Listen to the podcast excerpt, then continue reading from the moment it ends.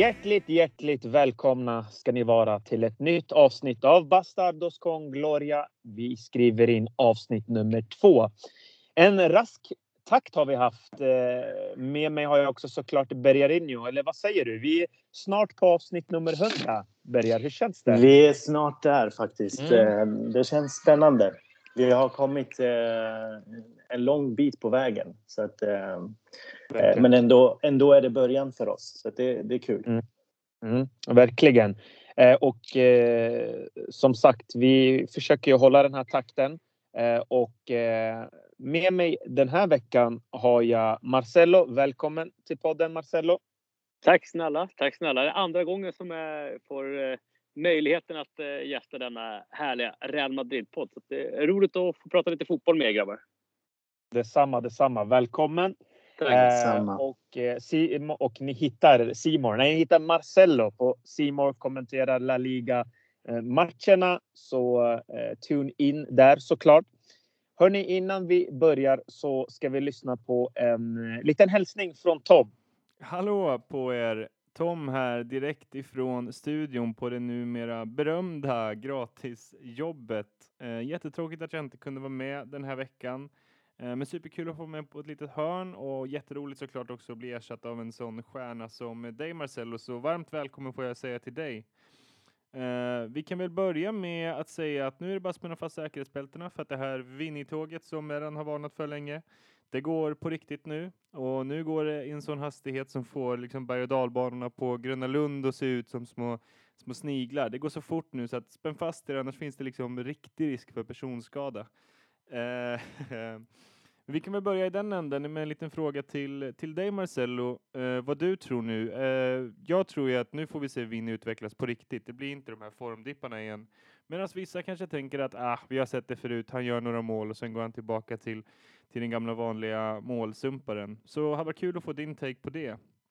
Eh, I övrigt så kul såklart med någon sorts omspel mot Inter ikväll. Vi mötte dem ju en del förra året. Det gick ju bra då, kommer gå bra nu också. Eden Hazard kommer visa vem som bestämmer såklart tillsammans med, med Benzema och eh, Vini som sagt. Eh, men till det viktiga då. Eh, det är nämligen så att jag har förberett en liten fråga till er. Dels er grabbar, men ni som lyssnar får jättegärna också svara på den på Ja, men på Twitter till exempel. Ni kan ju hashtagga Bastardos con Gloria eller bara skriva till mig på Tom Holmström.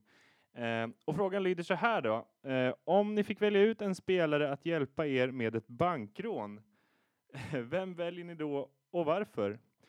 Så att sug på den karamellen, återkom med ett svar. Uh, jag är väl förhoppningsvis tillbaka nästa vecka. Nu är det bara att sätta er och njuta av ett toppenavsnitt här är jag helt säker på. Och ikväll samma sak. Sätt er ner, njut, ta fram era favoritchips och titta på när Real Madrid slaktar Inter. Så att uh, vi hörs igen nästa vecka. Ha det bra så länge. Tja! Sådär Marcello, du fick en liten hälsning från Tom. Eh, mm. Och eh, han eh, undrar lite där då om Vinicius Junior. Vad, vad, vad säger du då? Vi kommer gå in på det lite senare i podden, men du kan väl få börja med vad du tycker där, vad du säger. Alltså, Vinicius Junior har ju alltid för mig någonstans haft en enorm höjd och en, en potential. Vi, vi måste ju någonstans komma ihåg att han kom till Real Madrid när han var blott 18 år och fick ta ett väldigt stort ansvar eh, tidigt när Ronaldo lämnade. Hazard kom in, lite skador på, på belgaren. Så han fick ju ta ett stort ansvar. Sen om det tyngde honom, jag vet inte.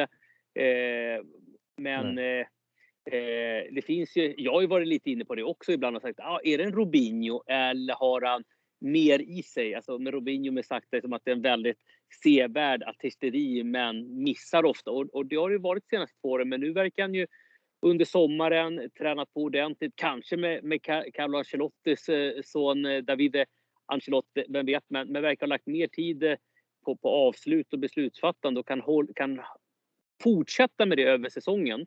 Mm. så är det ju en, det, det är en världsklasspelare som man har under uppbyggnad. Så att säga. För han är inte där nu, men han är under uppbyggnad. Alltså ge han två, tre år. Eh, och eh, för att han är bra, att han är bra en mot en, att han är snabb det visste vi sedan tidigare. Det jag tycker är den stora skillnaden är att han gör det oftare nu under matcherna. Eh, och att han faktiskt ja. varit mer liksom i, i, produktiv form, alltså gjort fler mål och, och poäng generellt sett. Så det är väl bara hoppas att eh, för hans utveckling och för Real Madrid så, och för hela spanska ligan tänker jag som att han eh, fortsätter att ta, ta kliv. Eh, sen, sen kanske inte kommer gå spikrakt att han helt plötsligt landar liksom på 25-30 mål den här säsongen. Men kan han komma upp i tvåsiffrigt, då är det en enorm eh, förbättring och utveckling sedan förra säsongen. Mm, absolut. Ja, och det, det är som du säger. Eh, man, man längtar till att se också vad som ska verkligen hända. Vi, vi vet ju inte riktigt, men eh, Berre, jag tänker innan du och jag ska svara på det här så eh, ska vi svara lite på Toms sista fråga. Eh, Bererinho och eh, en så rätt rolig fråga där eh, som han sa då. Eh, Berre, jag, jag börjar med dig. Eh, om du ska göra ett bankrån. Vilken Real Madrid spelare vill du ha med dig och varför? En fråga från Tom. Du måste motivera varför. Oj, oj, oj. Jag tar med mig Karim Benzema alla dagar i veckan. El Gato, KB. Ja. 100 procent. Eh, dels så har han kontakterna som jag behöver för att genomföra det här rånet. Eh, om vi börjar där. Eh, sedan så ligger han alltid rätt i position. Han har tagit på sig den här ledarrollen så galant. Han gömmer sig inte undan. Han kliver fram när det verkligen behövs för att leverera. Så att absolut Benzema. Nu var jag inte förberedd på den här frågan men det känns såklart för mig. Mm, mm. Eh, Marcello, vad säger du? Vem, vem ska vi ha med oss? vem man tar med sig vid ett eh, bank... Eh, alltså, jag, jag måste nästan gå tillbaka. Jag hade haft en begravelse eller Pepe. Ja, just det. någon, någon av de två äh, ja. udorarna. Nu är det för, för många good guys. Liksom, i, ja, det är väl kanske Casemiro om man ska, om man ska sätta honom som lite så här småful. Så att, ja, ja kanske, kanske honom då. Jag skulle nog säga Luka Modric. Jag vill ha den här killen som behåller lugnet, han har finessen, lite lurigheten. Han dyker liksom förbi. Ingen kan nå honom riktigt. Eh, jag skulle svara Luka faktiskt. Det är ganska okay, spännande. oväntat. Ja, men eh, jag två bra val. Mm. Och förresten, Bastardos con Gloria eh, sponsrar inte bankrån eller, och vi fördömer sånt. Så vi säger inte att ni ska råna en bank. Ja, okej, okay, härligt. Hörni, eh, grabbar, vi går in rakt på sak som jag brukar säga i den här podden. Eh, och eh, vi har ju en, eh, eller vi hade en, en, ganska galen match mellan Real Madrid och Celta Vigo. En match som slutade hela 5-2. Eh, och eh, det var ju som en eh, berg och dalbana där ett tag. Bergar, jag börjar med att fråga dig. Eh, vad kände du kring matchen? Alltså, till att börja med, Real Madrid återvände till Santiago Bernabéu efter 560 dagar. Eh, bara det i sig var en härlig känsla att liksom invänta matchen. Eh, dock till en början så var det en hyllning till eh, den gamla presidenten Fernando eh, Lorenzo Sanz, förlåt, sonen heter Fernando. Eh, och eh, man fick en, eh, liksom, det var lugn musik i bakgrunden. Det kändes lite som Titanic eh, helt plötsligt och så vidare. Och man satt och var känslosam just för president Sanz då, och, men också var tillbaka till Bernabéu. sen var det ju en spektakulär uppvisning, framförallt i andra halvlek av Carlo Ancelottis mannar som vände matchen efter att ha legat under med 2-1 i paus. Så att Fyra mål i andra. Eh, Karim gjorde hattrick. Vinicius bjöd på stor show. Kamavinga nätade i debuten. Och Modric orkestrerade den härliga pjäsen om jag säger så. Sen kommer vi till om och men. Det eh, finns ju mycket att lyfta i, i försvarsspelet också. Men eh, det, det, var den känslan. Det, som ni hör så är det väldigt mycket positivt eh, som eh, visades på Santiago Bernabéu. Mm. Ja, jag håller med. Inramningen var fantastisk. Jag fick gåshud. Eh, alltså man måste ändå tänka att Real Madrid har ju haft det eh, lite mer speciellt. Eh, eh, absolut utan publik, men även på eh, Alfredo Di Stefano. Där det har liksom känts som att man har bara spelat träningsmatch efter träningsmatch. Eh, Marcelo, du som kommenterar, kände du den här också känslan att men nu är man tillbaka liksom på Bernabéu? Ja, men det tycker jag. Vi, vi, har, vi har ju haft eh, artificiell eh, ljud tidigare när vi har kommenterat matcherna. Eh, ja. I lurarna, så att när, när, vi hör det själva. Liksom. Men nu var det en helt annan sak, alltså med riktigt ljud. Publik på plats, alltså, så att man fick eh, gåshud och bara det.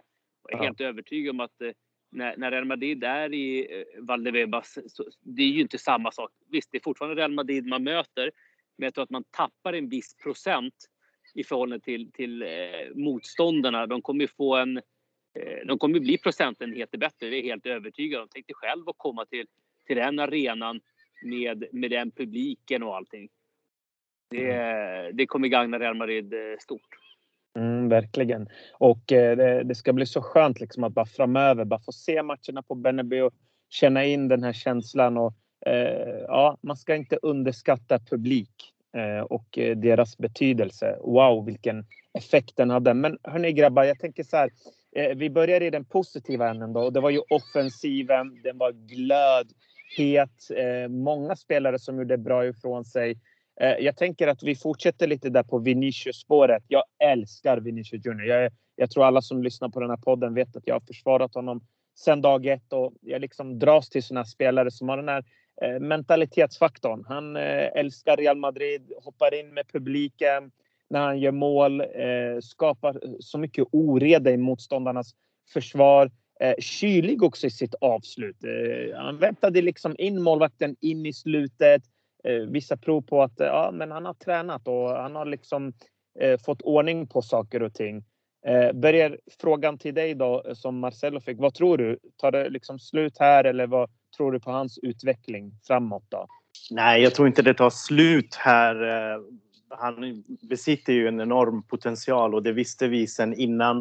Eh, vi får inte glömma heller att eh, han har, han har närmat sig nästan 100 ligamatcher bara i den spanska ligan och det är ju rätt så mycket för en sån ung spelare. Eh, och eh, över 20 matcher i Champions League och liksom totalt över 100 matcher för, för Real Madrid. Allt det här har ju gett honom eh, just eh, det självförtroendet. Det har gett honom eh, den här mognaden som vi har väntat på lite grann också.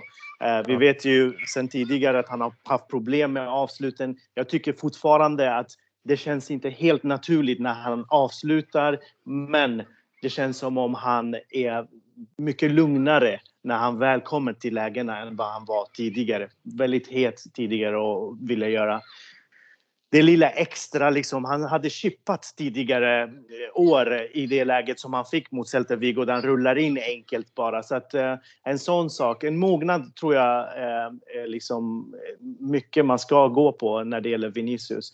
Eh, sen har ju Ancelotti spelar ju den typen av fotboll som också eh, Vinicius älskar.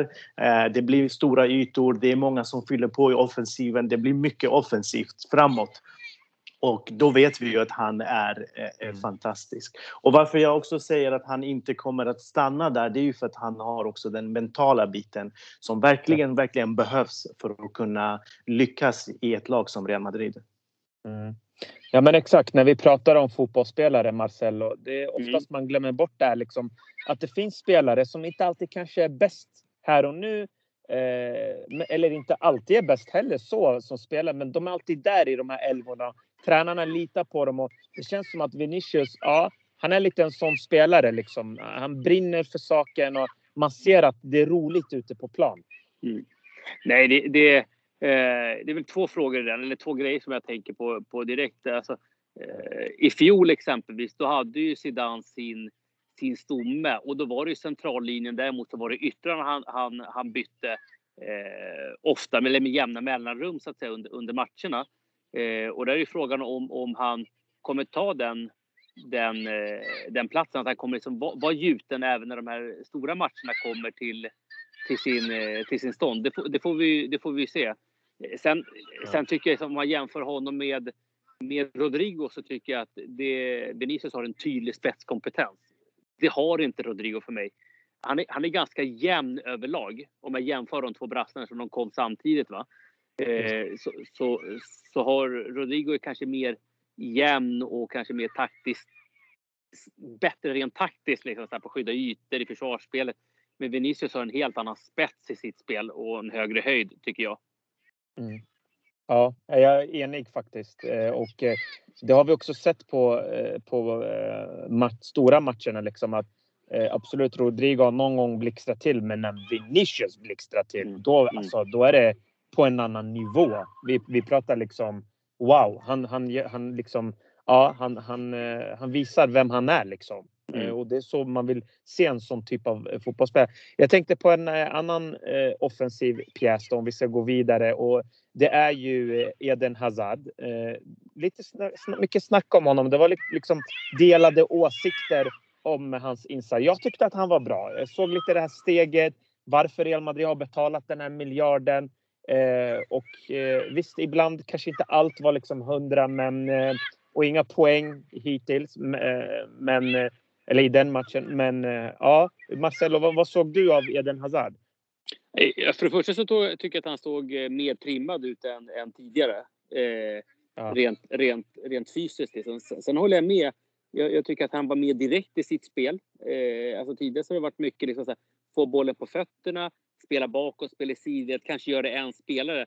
Nu tycker jag han gör då, alltså de här Chelsea-aktionerna när han Eh, går emot spelare, utmanar i mycket större utsträckning än vad han gjorde, har gjort tidigare två säsonger. Eh, så att, jag tycker faktiskt att han såg väldigt, väldigt bra ut. Ja, eh, och en annan spelare som var borta, det var ju Gareth Bale på grund av skador. Bergar, kan vi hoppas nu på att Hazard håller sig skadefri? Vad tror du? Ja, det, det hoppas vi verkligen på.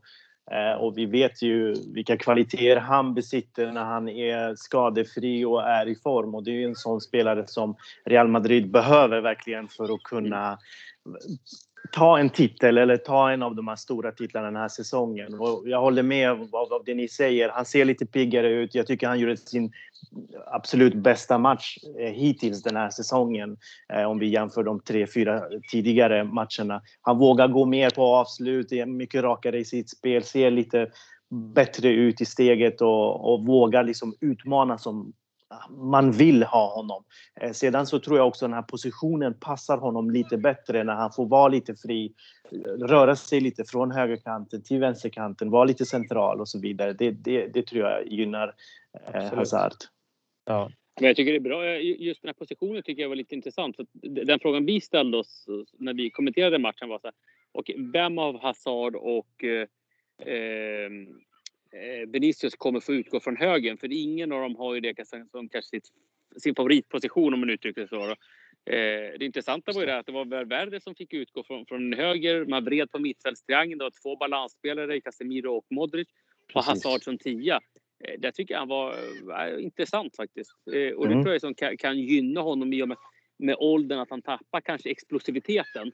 Eh, men fortfarande bra i det här spelet mellan lagdelarna. Eh, så det, det, är en position och roll som, som jag tror som kan, kan gynna honom på, på sikt. Liksom, om Real Madrid väljer att spela. Och det tycker jag ändå vet du, Ancelotti visar att han är väldigt flexibel med utgångspositionerna. Eh, ibland liksom tre balansspelare, en 10, två forwards, ibland 4-3-3, 4-2-3-1. Så att, eh, men principerna är oftast de samma. Ja, ja, men, ja, men eh, precis. Mm. Ja, men ni båda gör verkligen två. Eh, ni båda har två riktigt bra liksom, poäng med Eden Hazard och det är han man vill någonstans se den här Chelsea-versionen och det, det, är så intressant för att när han väl får till det, det ser så vackert ut. Alltså mm. det, det, är liksom någonting estetiskt, estetiskt vackert. Estetiskt ja. vackert. Ja, verkligen. Och jag bara känner... Det är han och Messi. Vi får se. Mm. Ja, exakt. Det, det, är verkligen han och Messi. Alltså det, mm. det här Chelsea-Hazard, när han verkligen driver bollen genom och bara... Det, alltså han, bara ja. ja. han bara glider igenom. Det känns ja. så naturligt, så mjukt, så estetiskt mm. som ni är inne på. Uh, så att det är det man väntar på. Man har ju liksom väntat verkligen länge på det här nu. Han har haft två tuffa år med skador. Så eh, förhoppningsvis nu. Också en annan grej där Ancelotti mer spelar öppen fotboll, till exempel speciellt mot de här lagen som man kan säga att de är lite sämre än vad Real Madrid är. Där, där är Ancelotti eh, en, en tränare som eh, gärna fyller på mycket offensivt. Det är mycket framåt och så vidare. Eh, och det gynnar ju mer de här offensiva spelarna till skillnad från Zidane där det var lite låst. Eh, det var inte offensiven som var nyckeln, oftast var det försvaret som var nyckeln. Speciellt i den andra sektionen. Jag pratar inte om den första, det, det var målgaranti i det första, men här i andra då. Eh, så att eh, då mår ju de här offensiva spelarna mycket bättre. Men däremot så lider man bakåt och det, det, det ja. behöver lyftas också. Ja, vi ska absolut ta upp det. Jag ville bara först säga, ni som blev arga på mig över Karim Benzema i mitt matchrapport. Jag gav han 4,8 bara Bergarinho, inte en femma. Eh, men eh, jag älskar eh, Karim Benzema och jag vet att förut så har jag varit kritisk mot honom med all rätt tycker jag. Men jag tycker också att det jag älskar med Karim Benzema nu, det är också vilken ledare han är på plan. Det känns liksom personligheten. Det är inte bara fotbollen. Fotbollen visste jag alltid. Det här är en speciell anfallare. Han är unik.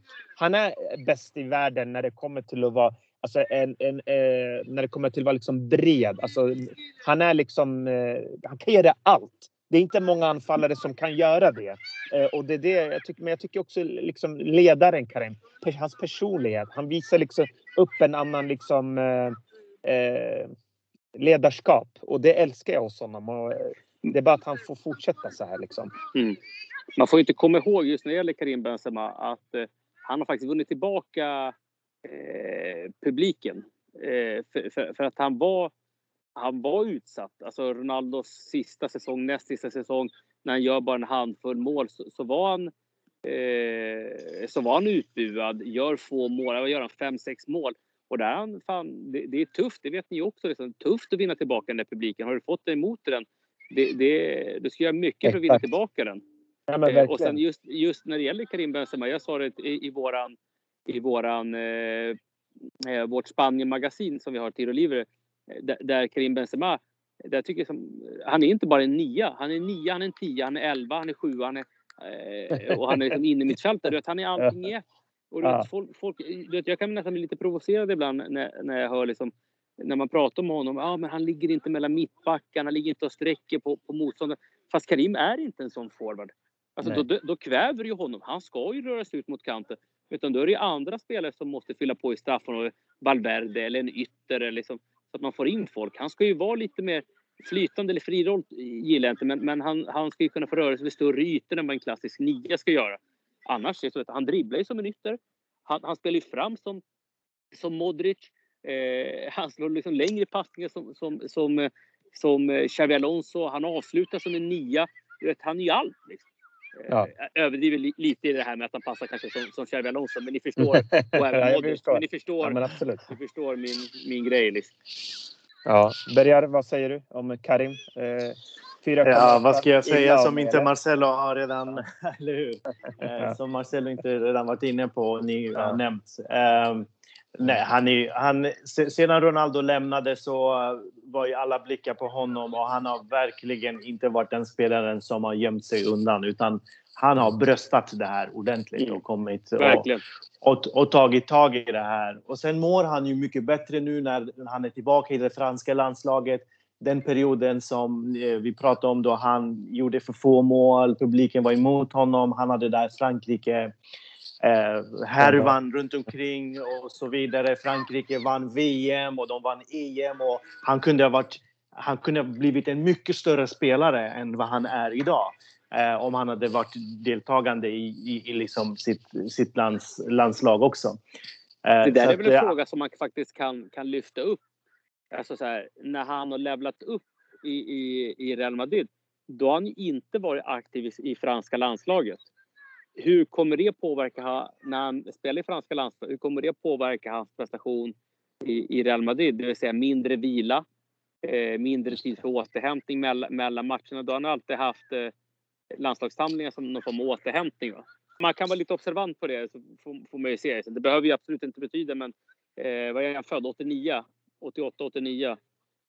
87 tror jag. 87, 87, till, 87 Han är sen 87, tror jag. Född i ja. december 87. Ja, då är han 34. Just det här med liksom den fysiska återhämtning och så vidare kan ju Precis. vara någonting att vara lite observant med. För att han har ändå varit relativt skadefri, tycker jag ändå, ja, under, under, under senaste åren och spelat allt i praktiskt taget, eller det mesta. Ja, det har han det, gjort. Det, det, för där, där har ju Real Madrid inte någon bra täckning. Alltså, Jovic får vi se igen då om, om vilken nivå han håller eh, när, när eller om han får, får spela liksom, eller väljer man att gå på andra alternativ. Där. Ja, det, ja precis. Den dagen Benzema inte kan spela. Mm. Ja, det är ju en nackdel eh, på så sätt att han får mindre vila. än vad han hade förra säsongen och säsongen innan. Eh, men eh, jag tänkte mer eh, psykiskt borde han ju må mycket bättre än ändå nu när han är tillbaka till landslaget och en viktig pjäs där och omtyckt där också. Senast så spelade de i Lyon också. Han var väldigt mm. liksom, hyllad och eh, gjorde assist i Griezmanns första mål. Och så att han är väldigt aktiv där också. I EM gjorde han fyra valjer. Så att, eh, ja, det blir intressant att se hur, hur det påverkar honom med de här landslagsmatcherna samtidigt. Eh, men han är ju den spelaren eh, som Real Madrid inte har råd att förlora. Du kan, du kan ta bort vilken spelare som helst i den här elvan, mm. men Karim Benzema, som Marcelo sa nu, Jovic, om vi får se om han steppar upp. Vi har Mariano Diaz också, honom känner vi till också. Men eh, eh, får vi, är det så att Benzema försvinner, då är det mycket som tappas framåt. För det är precis mm. det vi har nämnt. Det är lite av den rollen som Messi har i Barcelona, eller hade i Barcelona. Det att han var playmaker, han är avslutande och så vidare. När han inte är med, det är mycket som försvinner i offensiven. Och det är samma sak eh, gällande Benzema nu. Det, det, han är med och gör målen, han är i boxen, han är utanför, han står för assisten. Han får det sista ordet, han är kaptenen. Så det, ja. Vi hoppas att han, inte, att han är skadefri och han håller sig frisk och, och kan leverera som han har gjort hittills. Ja, hörni, vi låter världens bästa nia vara en stund och eh, vi måste ju såklart också gå in på the obvious, eh, det uppenbara här. Och det är ju såklart försvarsspelet. Eh, såg ihåligt ut eh, och eh, det var ju också en hel del misstag eh, från försvararna. Jag är lite orolig eh, ja, men, ja, vi vet ju alla här att försvarsspel, liksom, det måste sitta. Annars vinner man inga titlar. Speciellt inga ligatitlar i alla fall. Det, är liksom, det måste sitta. Uh, och uh, jag är lite orolig här för till exempel Nacho Militao. Uh, vad, är, vad är det för typ av mittbackspar? Båda stöter. Känns som att båda har lite svårt med positioneringen. har ett misstag i sig. Eh, nu är Miguel liksom en yngling. Eh, han förlåter vi lite, spelar ändå upp sig men han eh, hade några misstag också i sig och slarvade upp spelen. Eh, fantastiskt framåt. Eh, det, det, måste man ge honom. Assisten till Benzema är ju liksom galen. Men eh, Bergar, vinner vi några titlar om det är Militao Nacho? Eh, för jag tänker att eh, nu var ju i och för sig Alaba och Mendy borta. Men eh, vad, vad, säger du? Det, det, är lite skralt där. Vi ser att, liksom att om Benzema är borta, då är det Jovic och Mariano. Det kan ju gå liksom hur som helst. Men jag känner lite samma sak här. Eh, om Alaba, Mendy, om de här grabbarna Carvajal, eh, om Nacho också går skadad. Eller Militao, då har vi Vallejo. Herregud. Eh, jag vet inte. Vad säger du, Berger? Nej, men försvarsspelet har ju eh, varit liksom den svaga länken under de här fyra inledande matcherna där Real har släppt in mm. sex mål.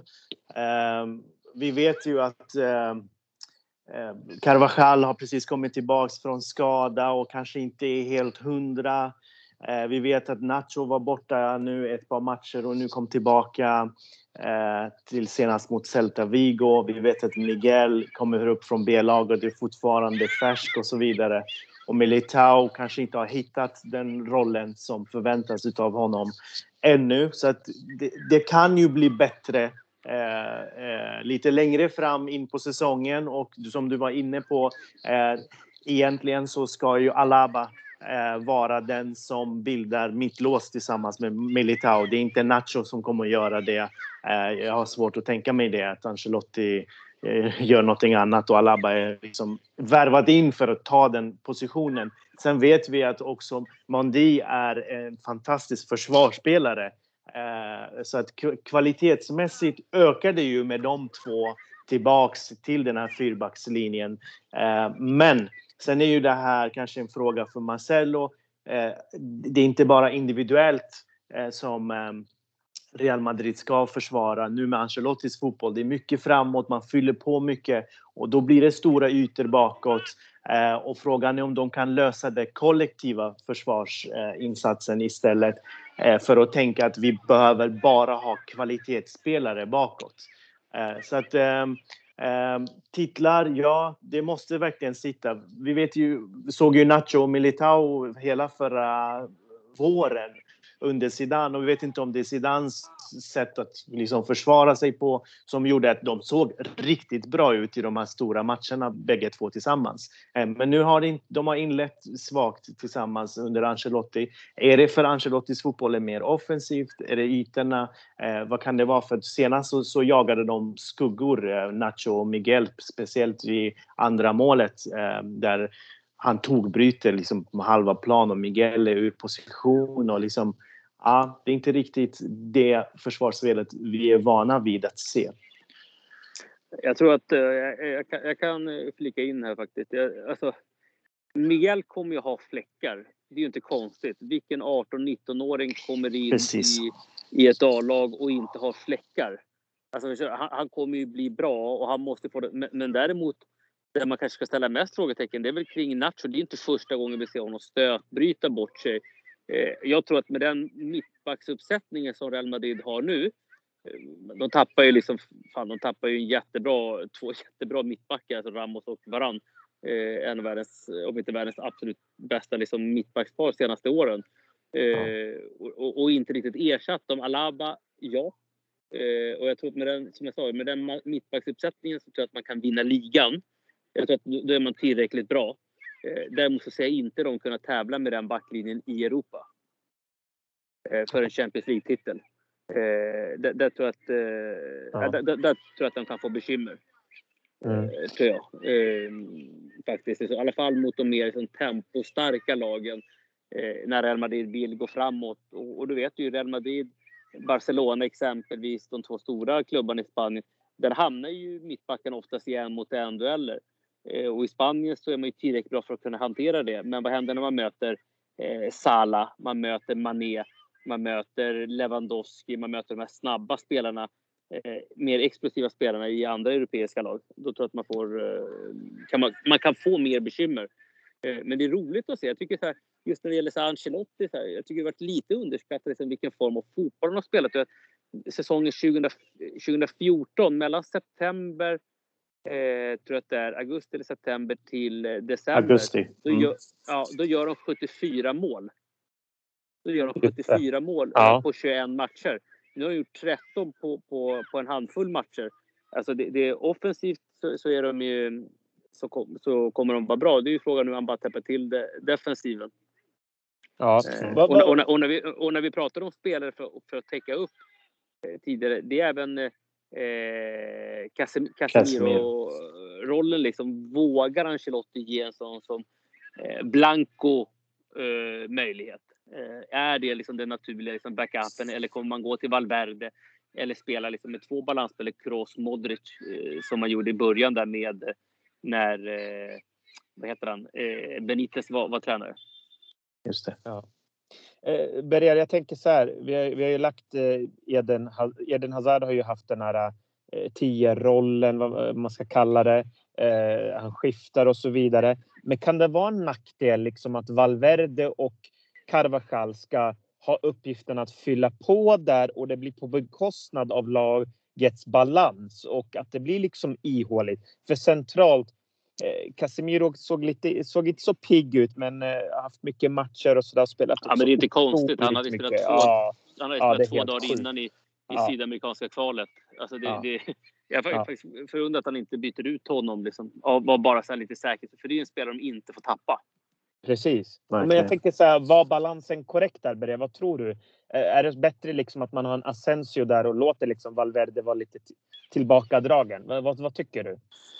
Eh, du tänker att eh, i och med att Hazard startar och ja. ändå inte är en sån spelare som bidrar så mycket i, i defensiven medan sen Asensio är den som kanske flyttar tillbaka och jobbar Ja, men eller att man ska kanske ha två formationer mot olika ja, jag lag. Förstår. Ja. Men här mot alltså, lite sämre och mot bättre så ja. täpper man igen.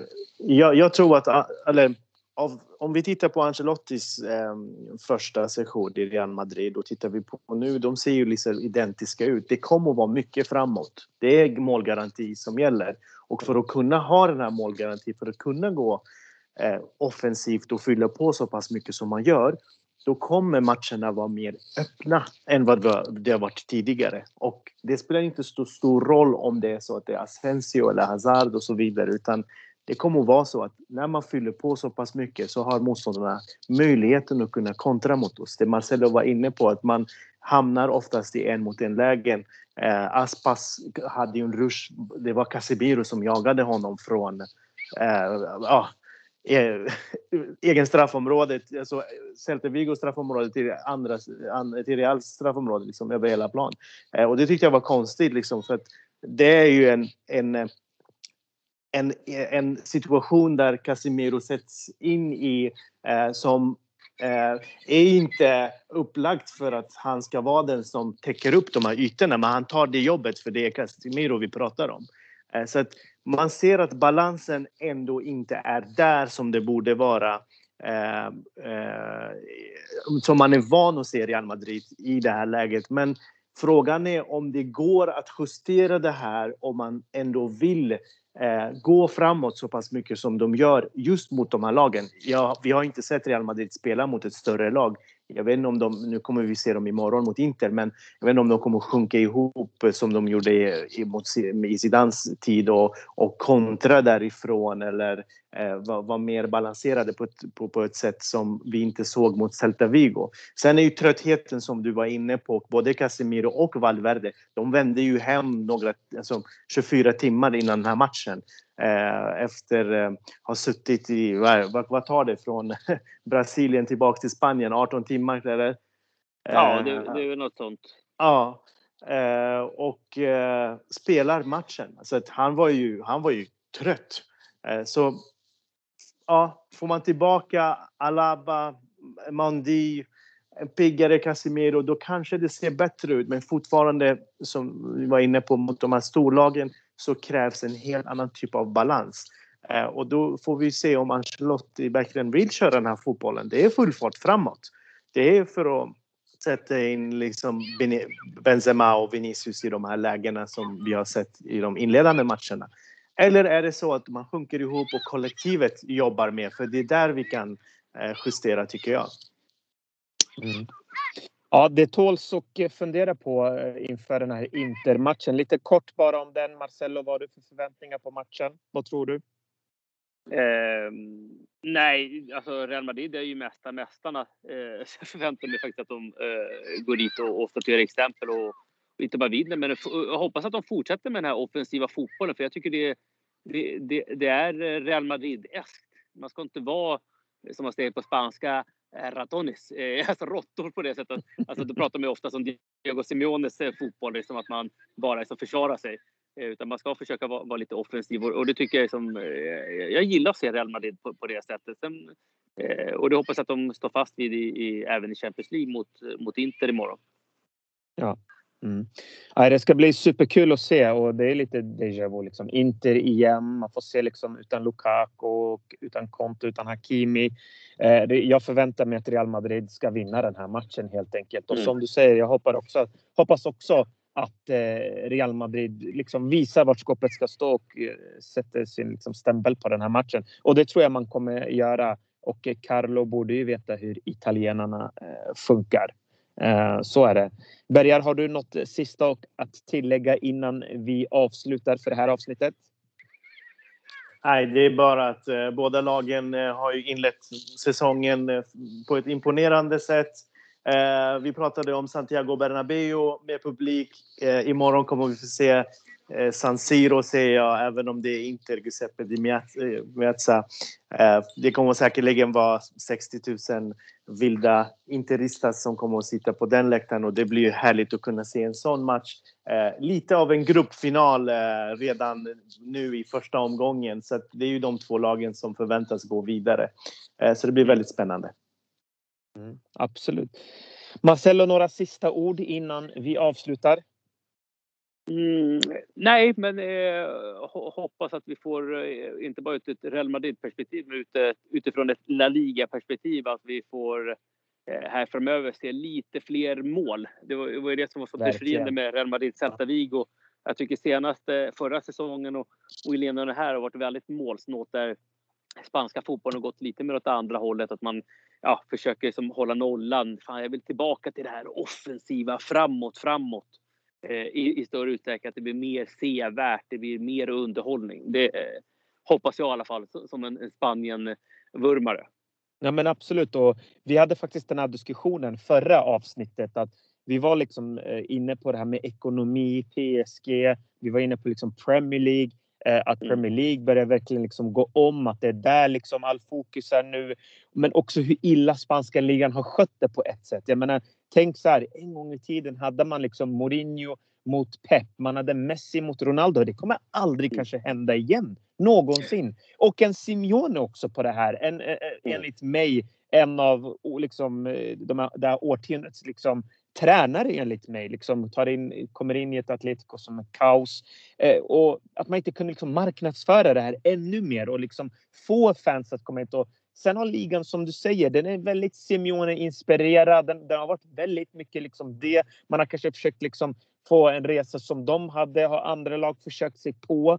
Eh, mm. Och eh, det har blivit faktiskt tråkigare. Jag håller med. Det är en liga som har eh, gått ner sig just på det sättet. Och mm. Jag hoppas också att man går tillbaka lite till det där det liksom var roligt att se på. Det hände grejer och det var liksom eh, ja, andra fans tittade och sa nej men det här är liksom, så här ska fotboll spela. Den bästa mm. fotbollen spelas i Spanien. Det är, inget, det är ingen diskussion, men mm.